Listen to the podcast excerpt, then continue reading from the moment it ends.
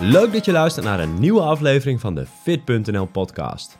In deze show vragen we wetenschappers, topsporters en experts naar hun beste tips om meer uit jezelf te halen. Vandaag ga ik in gesprek met Gerard van der Poel. Hij is bewegingswetenschapper en inspanningsfysioloog en weet alles van het onderwerp rekken. Momenteel is hij bezig met een Engelstalig boek over stretching, oftewel de expert op het gebied van rekken en lenigheid. Vandaag gaan we in op vragen zoals: wat is de beste methode om te rekken? Moet je de pijngrens opzoeken tijdens het rekken of juist ontspannen? En krijg je door rekken langere spieren?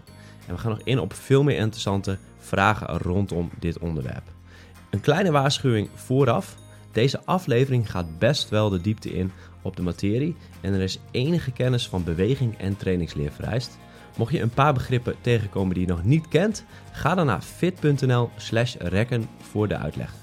Maar genoeg van mijn kant, laten we starten met de show. Welkom in de podcast, Gerard. Dank je. We beginnen met een aantal stellingen. Ehm, je kunt ja of nee antwoorden en nuanceren is later. Uh, de eerste stelling is: lenigheid kun je snel trainen. Ja of nee? Ja. Nou, dat is hoopgevend. Um, bij lenigheid, bij het trainen van je lenigheid, dus de tweede stelling is: uh, kun je tegen de pijngrens aan gaan zitten of moet je echt heel erg ontspannen? Je kunt beide. Heel goed. En uh, de laatste is: lange reksessies zijn beter. Nee. Oké. Okay.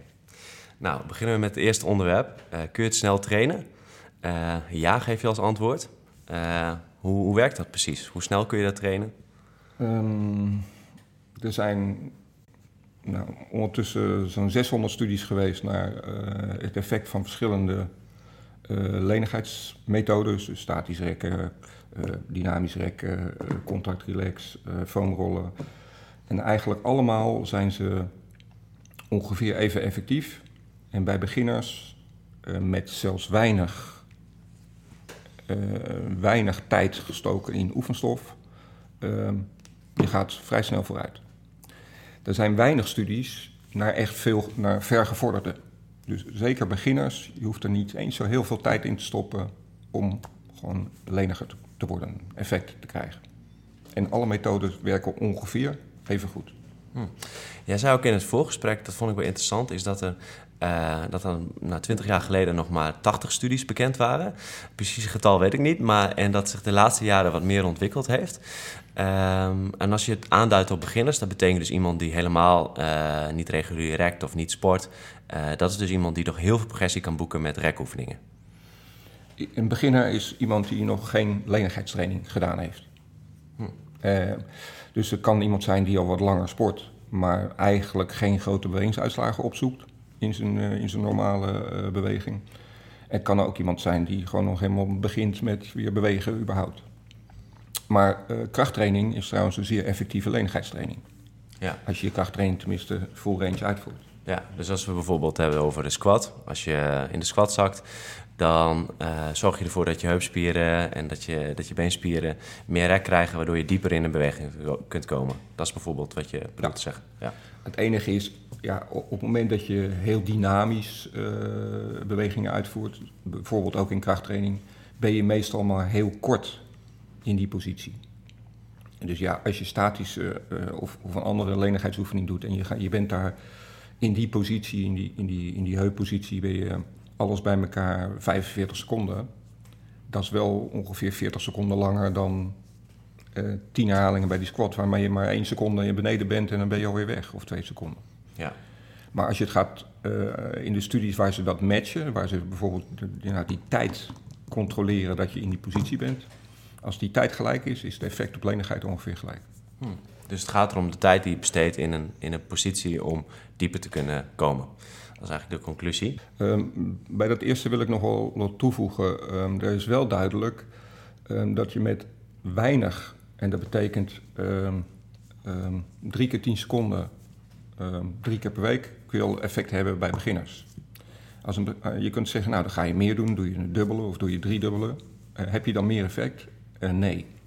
Dat is wel grappig. Dus eigenlijk met weinig gaat een beginner al vooruit. Gaat die beginner iets meer doen, gaat hij ongeveer ne net zo snel vooruit. Pas als je heel veel meer gaat doen, krijg je iets meer toename in lenigheid, een iets sneller tempo in toename. Maar blijkbaar, ja, net voldoende prikkel, daar ga je vooruit. En de snelheid waarmee je vooruit gaat, die, ja, die kan je niet enorm verhogen. Net als met veel andere trainingseffecten. Uh, bij vergevorderde, als je nou, ja, je best doet om nog iets verder te kunnen komen, uh, ergens ligt een plafond. Maar die individueel, het is al überhaupt individueel. Dus waar dat plafond, je loopt tegen dat plafond aan en dan wordt het onduidelijk of je dat nog echt, uh, hoeveel je ervoor moet doen om dat plafond nog te, iets hoger te krijgen. Uh, en iedereen loopt op een gegeven moment tegen die plafonds aan in lenigheid. Ehm, en het is ja, eigenlijk is het niet zo duidelijk. Ehm, we weten wat de minimumdosis is om leniger te worden, ook uit ervaring. En iedereen, als hij maar het volhoudt, loopt hij ergens een keer tegen het plafond aan. Je moet wel zorgen dat de prikkel adequaat blijft. Dus waarschijnlijk moet je wel iets meer gaan doen onderweg. Uh, ja. of je in een split uh, terecht gaat komen, daar, uh, um, daar zijn 16 factoren van invloed op je lenigheid. En spierlengte is er maar één van. En je anatomie is een hele belangrijke. Dus ja, als, je, als je vader en moeder je zo geproduceerd hebben dat je heup, uh, et cetera, er wat anders uitziet, dan kom je gewoon never nooit in die split. Dus er zit zeker een talentfactor in. Ja.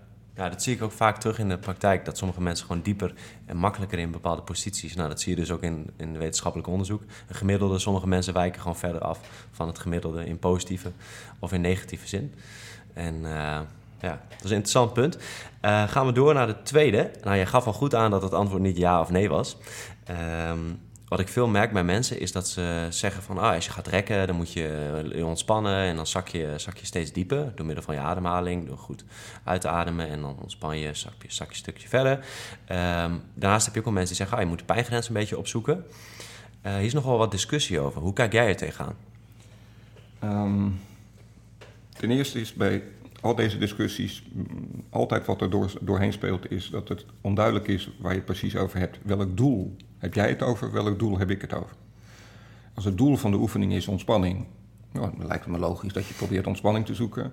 Als het doel is, ik wil mijn lenigheid vergroten, dan is ontspanning helemaal geen factor. Meer kracht op weefsels is een grotere prikkel. En het idee dat als die weefsels meer ontspannen zijn, dat je dan beter kan rekken, ik heb nooit begrepen eh, hoe dat zou kunnen werken. En ik ben nu 30 jaar verder en ik begrijp het nog niet, want het klopt ook niet. Ook op basis van de studies die er zijn. Als we kijken naar, uh, we gaan lenigheid trainen. Dus dan heb je het over uh, je trainingsvariabelen. Hoe lang doe ik de oefening? Hoe vaak doe ik de oefening? En wat is de intensiteit van de oefening? En dan blijkt de intensiteit een hele belangrijke te zijn. En intensiteit is dus eigenlijk gewoon hoeveel rekkracht op die weefsels. En ja, dat voelt anders. Dat voelt in ieder geval. En eh, ontspannen betekent niet, ik kan meer rekkracht op die weefsels zetten. Zo werkt het niet. Um, en je ziet in de sporten waar lenigheid echt op hoog niveau moet zijn, uh, turnen bijvoorbeeld, dat de methodes ook agressiever worden. Daar worden de krachten ook gewoon hoger waarmee de oefeningen worden uitgevoerd. Dan wordt er gewoon een een medesporter bovenop je rug gezet. Ja. Hm. Dit is wel echt uh, ja, voor mij ook vernieuwende informatie dat het zo duidelijk wordt uitgelegd. Omdat toch echt wel het paradigma nog veel binnen veel, veel, bij veel krachtsporters ook dat je moet ontspannen en dat hoor je ook vaak bij yoga. Um, maar goed, dus, dus als je bewijzen van een elastiek pakt en je gaat jezelf wat meer weerstand geven, dan is het in theorie mogelijk dat je misschien verder sneller komt een, ja, een onderdeel van de prikkel is uh, de krachten, uh, de rekkrachten, de, de compressiekrachten. Net als bij krachttraining is dat ook gewoon, ja, de, de, kracht op weefsels is een deel van de prikkel. En dat zie je ook. Ja, ja. En meer kracht is meer prikkel. En dat, de, de, literatuur van de laatste jaren is daar langzamerhand wat meer van. Meestal wordt er helemaal niet omschreven wat de intensiteit is van de oefening. Ja, die wordt dan in basis van hoe voelt het. Maar je kunt eigenlijk ook meten hoeveel kracht er op weefsels zit in het laboratorium. En dan blijkt dat een groot verschil te zijn. Ja, en waar misschien mensen dan bang voor zijn, als, dan stel je voor een medesporter op je, op je nek leggen en uh, dat je net wat verder wil komen. Je, is er dan niet ook een kans op spierscheuring? Moet je dat op de juiste manier opvoeren natuurlijk? Het leven is niet zonder risico's. Dus ja, op het moment dat je harder gaat trainen, dus meer intensiteit, en dat geldt ook als je, uh, als je een schijf opzet, ja, mhm. dan uh, je weefsels moeten het wel aankunnen. Maar dus eigenlijk progressief laden, net zoals je met krachttraining doet, elke week bewijs van 2,5 kilo erbij. Dat kun je eigenlijk ook met rekken doen.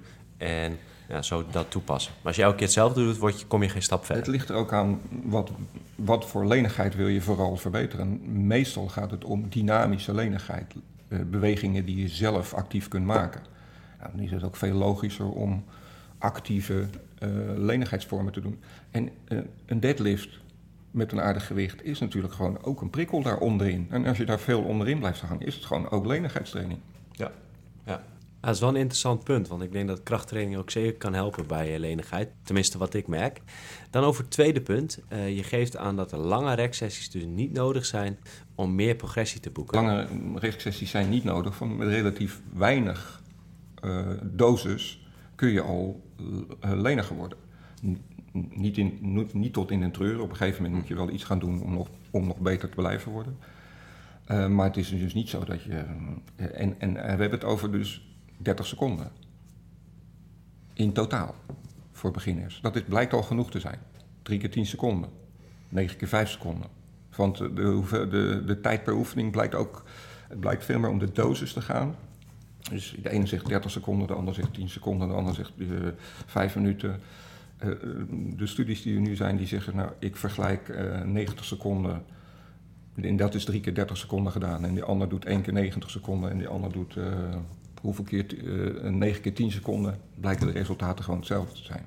Dus ja. het gaat veel meer om de dosis dan om hoeveel keer per oefening. Ja. Uh,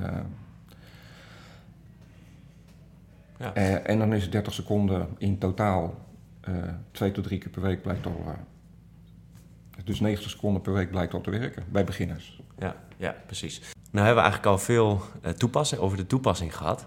maar wat gebeurt er eigenlijk in de spier uh, als je rekt? Wat gebeurt er met je spieren? Wat gebeurt er met het zenuwstelsel? Uh, kun je ons meenemen in het proces wat, je, wat er in je lichaam gebeurt? Het, het grappige is dat we. Uh, er blijken verschillende methodes te zijn: statisch rekken, contractilexus, aanspannen, ontspannen, foamrollen, dynamisch rekken. Die allemaal ongeveer even effectief zijn, terwijl ze eigenlijk ja, pretenderen via hele verschillende manieren te werken. Maar gaan we kijken naar de, naar de, de, de onderzoeken daarnaar, dan um, blijkt er eigenlijk een, een common pathway te zijn, een, een gezamenlijke manier waarop ze werken. En dat is uh, dat ze eigenlijk nauwelijks iets met weefsels doen, maar wel iets met onze waarneming van de krachten die we op die weefsels uitoefenen. Dus het rekgevoel, zeg maar. En de tolerantie van rekkrachten. Dat is hetgene wat vooral verandert.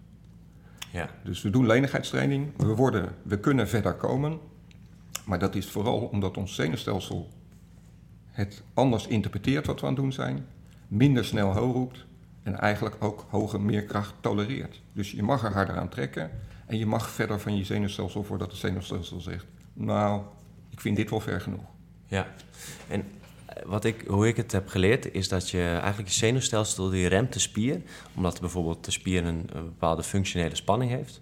En dat je je lichaam, uh, zeg maar, die, die, die rekcapaciteit van je hersenen, dat het wat meer loslaat. Nou, nou, misschien om een vergelijking te maken, drinkt een paar biertjes, voel je je wat losser.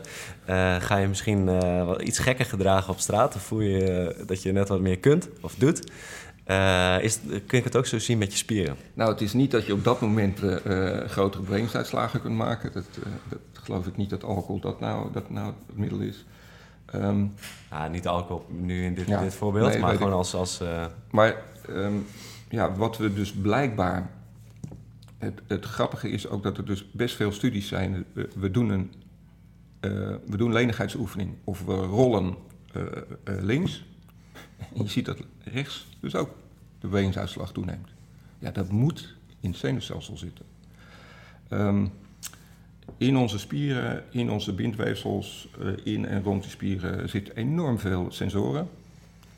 En die sensoren beïnvloeden we door er kracht op uit te oefenen. En de hersenen nemen die informatie waar. En die maken daar een gevoel van. Het is absoluut niet zo dat als we hier 4 kilo op mijn kuit hangt, dat er dan gewoon een 4 kilo gevoel in mijn hersenen ontstaat. Nee, de hersenen maken het gevoel op basis van die informatie van beneden, maar ook nog op basis van hele andere informatie. Bijvoorbeeld wat er in de rest van mijn leven gebeurd is die dag. Of wat er in die kuit gebeurd is vorig jaar. Ja. Dus net als bij pijn reksensatie is, is een construct, wordt gemaakt en is niet, ja, is niet 100% betrouwbaar voor wat daar beneden gebeurt. Dus de hersenen maken er een gevoel van en die roepen bij sommige mensen al heel snel: Ho, we gaan echt niet verder dan dit. Mhm. Ik ga je nu een gevoel geven dat je denkt: van nee, dat gaan we niet doen. En dat gevoel gaat veranderen. Dat is ook wat we aan het trainen zijn. Dus de sensatie, hoe het waargenomen wordt. En er zijn aardig wat studies die ook zeggen: nou, al heel snel gaat die sensor wat minder gillen. Maar pas vijf weken later gaat het volgende onderdeel in het zenuwstelsel, in die sensoriek. Dus het verandert ook nog in de loop van de tijd. Het blijft zich veranderen. Dus, dus eh, de hersenen gaan het anders waarnemen en zeggen: oké, dit mag dus wel. Je mag gewoon vijf graden verder. En het tweede is, de tolerantie verandert. En dat is, niet, ja, dat is net niet hetzelfde. Van natuurlijk, als het gevoel verandert, ik, het voelt minder slecht, dus ik tolereer meer. Maar sommige mensen kunnen een slecht gevoel toch veel beter tolereren dan andere mensen. Dus eerst mocht je er 20 kilo aan hangen en voelde het als 100 kilo. Nou, het, het hangt naar 20 kilo aan, het voelt nu als 20 kilo. Dus. Maar ik kan ook 25, ik kan ook echt 25 kilo, gewoon die kun je er gaan echt aanhangen. En dat tolereer ik. En dat was daarvoor onmogelijk. Dus één is het gevoel, maar tolerantie verandert ook nog. Nou, op lange termijn, en zeker als je daar hoge kracht op zet, zullen weefsels zich ook gaan verbouwen. Maar dat is, dan moet je echt hard en veel en ook intensief lenigheidstraining gaan doen. En dan begint het zelfs op krachttraining te lijken. Ja, ja. Dan kun, je, dan, dan kun je zeggen, ja, het is een lenigheidsoefening, maar volgens mij is het ook een krachtoefening. Ja, en dan de weefsels veranderen is, moet ik dan denken aan dat, dat, dat, dat wat gebeurt er dan qua pezen, of de fascia, of de spieren? Nou, we hebben het altijd over lange spieren, korte spieren. Um, weet jij de langste spieren in ons lijf toevallig? Um, Kijken of je op punten kan scoren. Ja, ik, ik gok uh, de quadriceps of de bilspier. Sartorius. Oké. Die over de, van de binnenkant van de lies ja. naar de buitenkant onder de knie. Nou, grote, eh, eh, als je groot bent, uh, jouw maat, ja, bij jou is hij toch wel bijna voor de luisteraar, we zijn even aan het meten. Bijna een meter. Ja. Uh, is die sartorius dus ook een meter lang, die spier? Zijn de spiervezels daarin ook een meter lang? Um, ja, dat is een goede vraag. Um, ik denk dat hij een, een, een vaste lengte heeft. Uh, de, de, spiervezels daarin die zijn toch gerangschikt. Ongeveer 15 centimeter is de langste spiervezel die we hebben in ons lijf.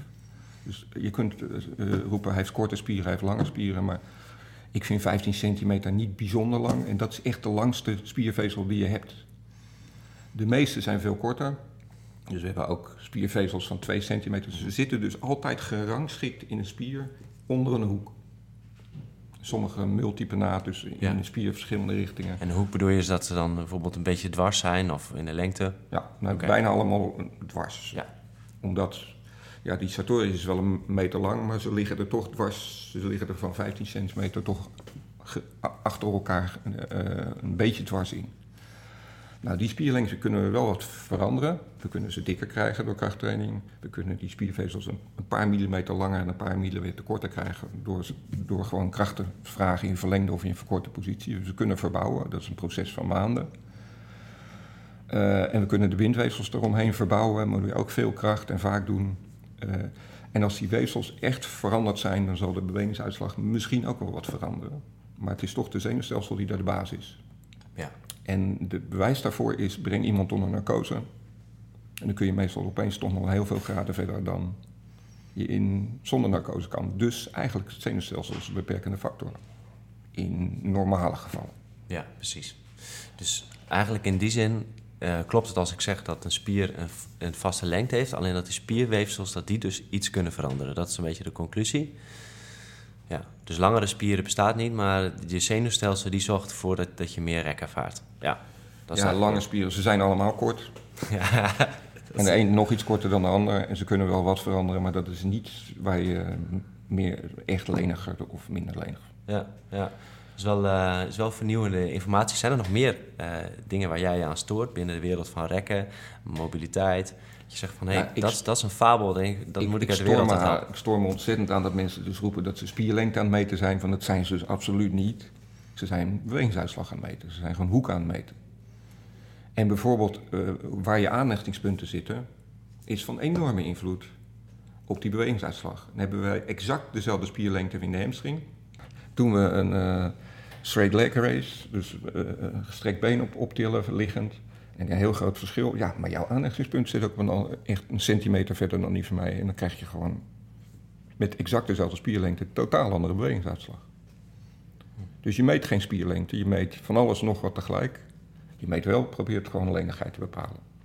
En, voor een, uh, en dat is soms zeker de moeite waard van je wil weten hoe een personal trainingsklant of een, een, een, je wil gewoon weten, kan die die beweging überhaupt maken?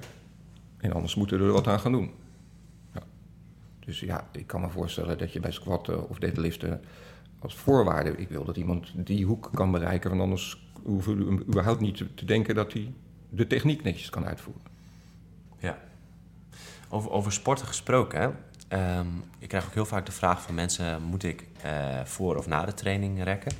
Uh, is, dat, is dat verstandig? Nou, ik heb zelf uit de literatuur gelezen dat, je, dat als je veel rekt voor een krachtsportprestatie, als je echt maximaal wil gaan, dat het net even je prestaties remt.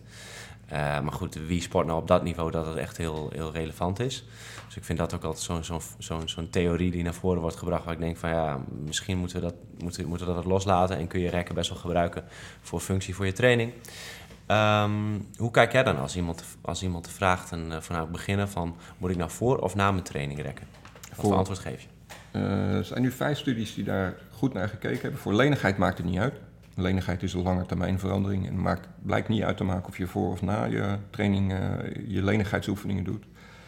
Uh, voor krachtlevering en snelheid uh, is uitgebreid statisch rekken inderdaad nou, een paar procent prestatieverlies. Maar uitgebreid betekent gewoon echt langdurig, meer dan 90 seconden. In, in de praktijk komt dat zelden voor, dus als je gewoon niet zo uitgebreid, dan maakt het, geen, maakt het niet uit.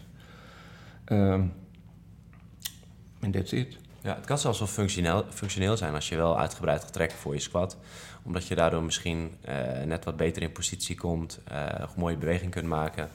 Uh, dus, dus het antwoord is niet zo altijd zo binair zoals wordt altijd gezegd ja of nee, uh, zwart-wit. Van ja, dat moet je niet doen voor je training uitgebreid, want het gaat ten koste van. maar ik denk dat je hier ook wel wat genuanceerder naar kunt kijken. Als je je lenigheid wil optimaliseren voordat je een oefening gaat doen, dan is het niet onhandig om lenigheidsoefening te doen. Um, en dat kan via foamroll, dat kan via dynamische oefening, dat kan via een statische oefening. Het lijkt mij het meest logische dat je de oefenvorm kiest die, die het meest lijkt op de functie. Dus meestal is dat dan dynamisch. Het nadeel van dynamisch is, dat, nou, als je, je, je, beweegt naar beneden, je beweegt naar boven. Uh, je bent relatief weinig tijd in lenigheidsprikkelgebied. Dus eigenlijk die dynamische oefenstof, die moet je dan wat langer uitvoeren. Van de helft van de tijd ben je bijna gestrekt of nog niet helemaal beneden. Dus het is, uh, en daar komen de verschillen in, in onderzoek ook wat naartoe. Dan, ja, dynamisch heeft niet zoveel effect, maar ja, je moet gewoon het dynamische dan ook als lenigheidsoefening doen. En dan moet je ook zorgen dat je die tijd erin steekt, dat er ja. ook lenigheidsprikkel uitkomt. Ja, precies. Maar je zou dan kunnen zeggen, als je een dynamische oefening besteedt dan iets meer tijd in die positie waar je beter in wil worden, zeg maar, ja. waar je meer ruimte in wil krijgen. Maar als je daar weer stil gaat zitten, ja, dan is het eigenlijk weer een statische oefening. Ja, ja, ja. Nou, dan hebben we gelijk die begrip ook goed uitgelegd. Um, een andere vraag die ik, die ik vaak krijg van, uh, van lezers is van hoe vaak uh, moet ik rekken per week? Nou, je hebt het begin al een beetje uitgelegd. Uh, ja, wat, wat zou je beginner adviseren? Het is weer ook weer van wat is je doel?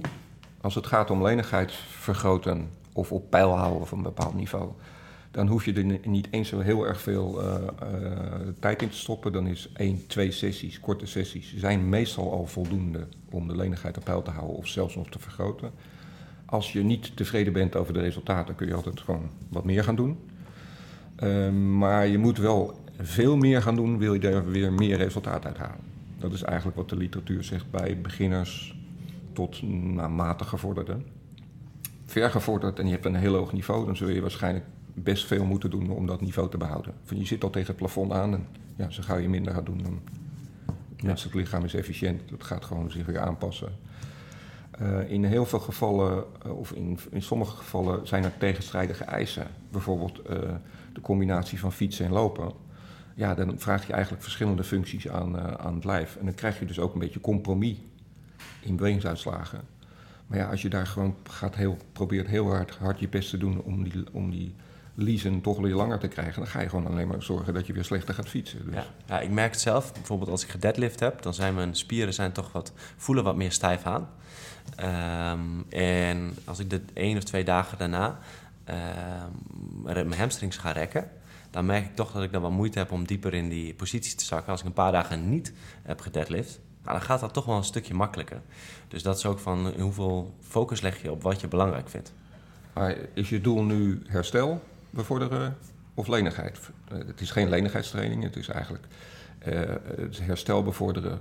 De vraag is, gaat dat sneller als je die mhm. oefeningen doet of niks doet? Van het is vooral, je hebt dead, zware deadlift training gedaan en er is wat schade, er is wat, uh, er is wat vocht, er is wat stijfheid. Het zenuwstelsel zegt, we doen het even niet. Um, um, dan gaan we eigenlijk een beetje de rehab kant op.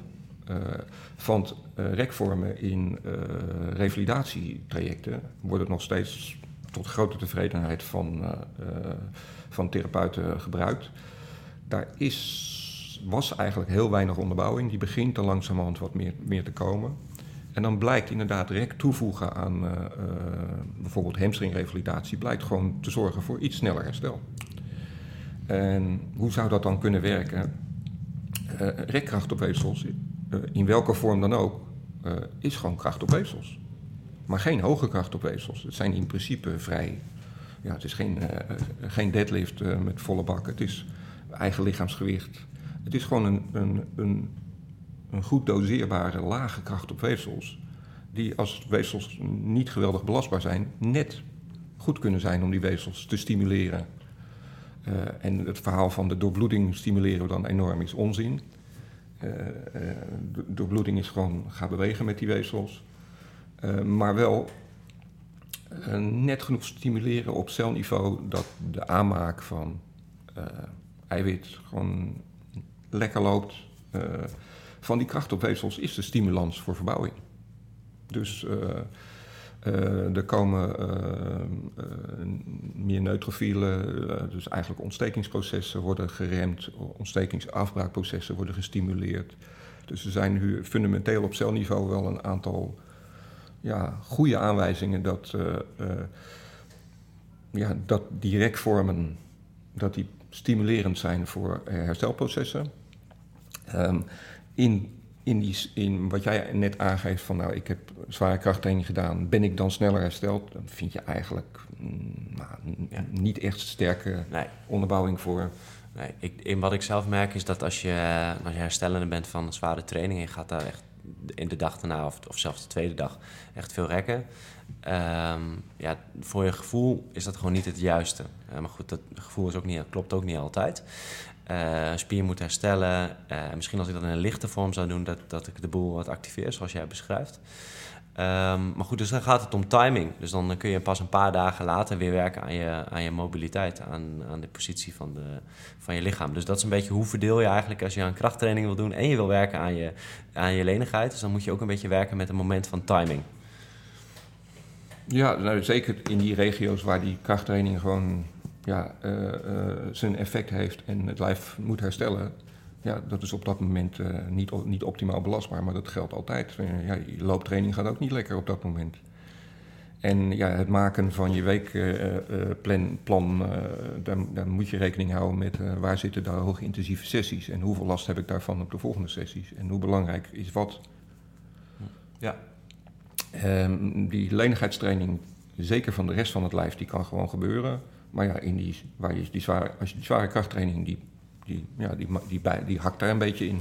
Ja. Maar gelukkig heb je niet zo enorm veel lenigheidstraining nodig. Dus dat moet dan wel lukken. Dat is positief. Dus dan als je dan twee keer in de week kom je er wel mee. En die krachttraining was trouwens ook lenigheidstraining. Ja, ja. ja. Um, ik denk dat dat wel een goed beeld geeft van, van hoe uh, rekken werkt en welke methodes. Zijn er nog meer dingen die je hierover kwijt wil? Je zegt van dat de fabels of belangrijke theorieën we gemist hebben. Um, ja, de, ik vind het wel grappig dat, uh, verschillende methodes heel erg worden geroepen van die doen dit of dat. En dan, ja, ik weet het ook niet van. Uh, maar ja, als we dan eindelijk eens een keertje wat gaan onderzoeken hoe het, hoe het, hoe het werkt, dan blijkt daar gewoon niet veel van te kloppen. van ontspannen, aanspannen hebben we een, een, een, eh, een optreedt en we hebben veel meer een reciproke inhibitie. Ja. Reflex, die blijken eigenlijk allemaal nauwelijks op te treden. Eh, het werkt wel, maar het werkt om een andere reden. Eh foamrolling wordt heel erg, komt, eh, was in eerste instantie werd het niet myovasculaire techniek genoemd en nu wel van, nou nu zeggen we het, is, zit echt, je fascies beïnvloeden we enorm en die zitten vast of de release, oftewel er zit iets vast en dergelijke. Ja. Dat is, dat is- er is nog echt niet, niet 100% duidelijkheid over. Ja. Wat er wel duidelijk is, er zit heel veel sensoriek in en die zijn we aan het beïnvloeden. Ja, ik heb me in dit onderwerp ook verdiept, eh, omdat wij A, foamrollers verkopen en eh, B, ik dat interessant in onderwerp vind. En wat daaruit uitkomt is dat heel veel mensen denken dat je, dat allereerst wat jij debunkt al, de afvalstoffen, dat je die eruit kan eh, voeren. Eh, nou goed, daar kon ik niet echt voldoende bewijs voor vinden.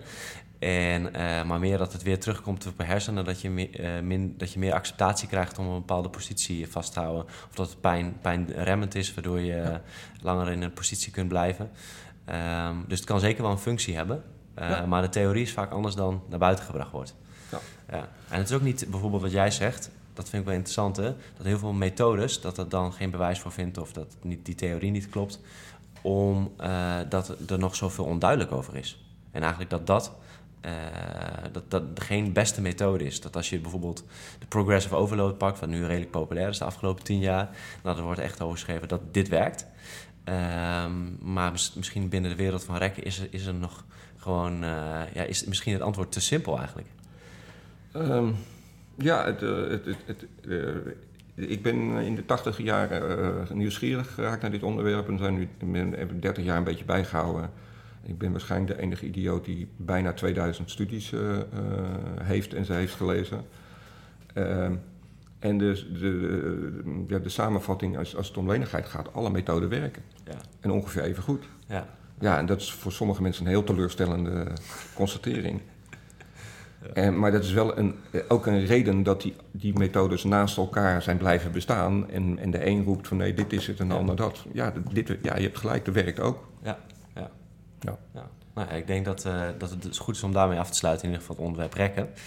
Ehm, wij sluiten onze podcast altijd af met eh, de, de beste tip die jij kunt geven aan de luisteraar. Dat kan zijn over krachtsport, kan zijn over voeding, kan zijn over gezondheid of eh, in zijn algemeen dit in het leven.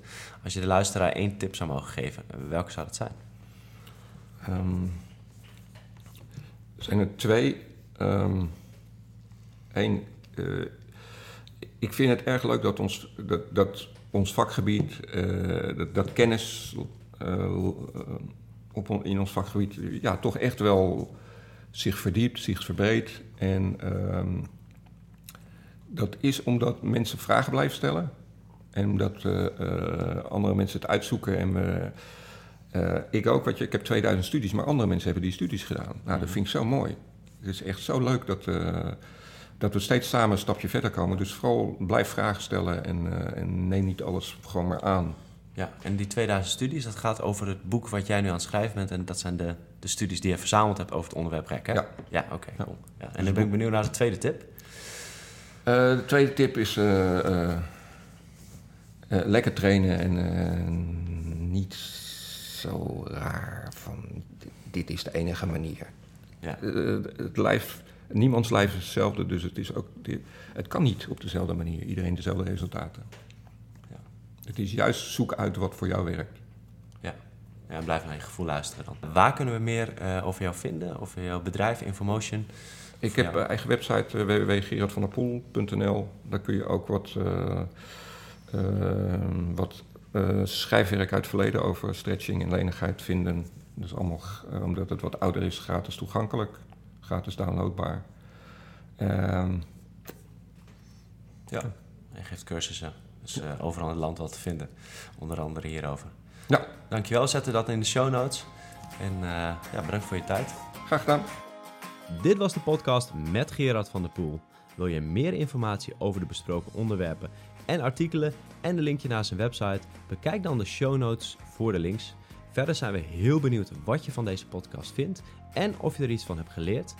Deel deze podcast via social media en tag fit.nl met een underscore. En geef ons een review op iTunes, zo kunnen we nog meer mensen bereiken met onze tips. Nou, dat was hem voor vandaag. Bedankt voor het luisteren en tot bij de volgende.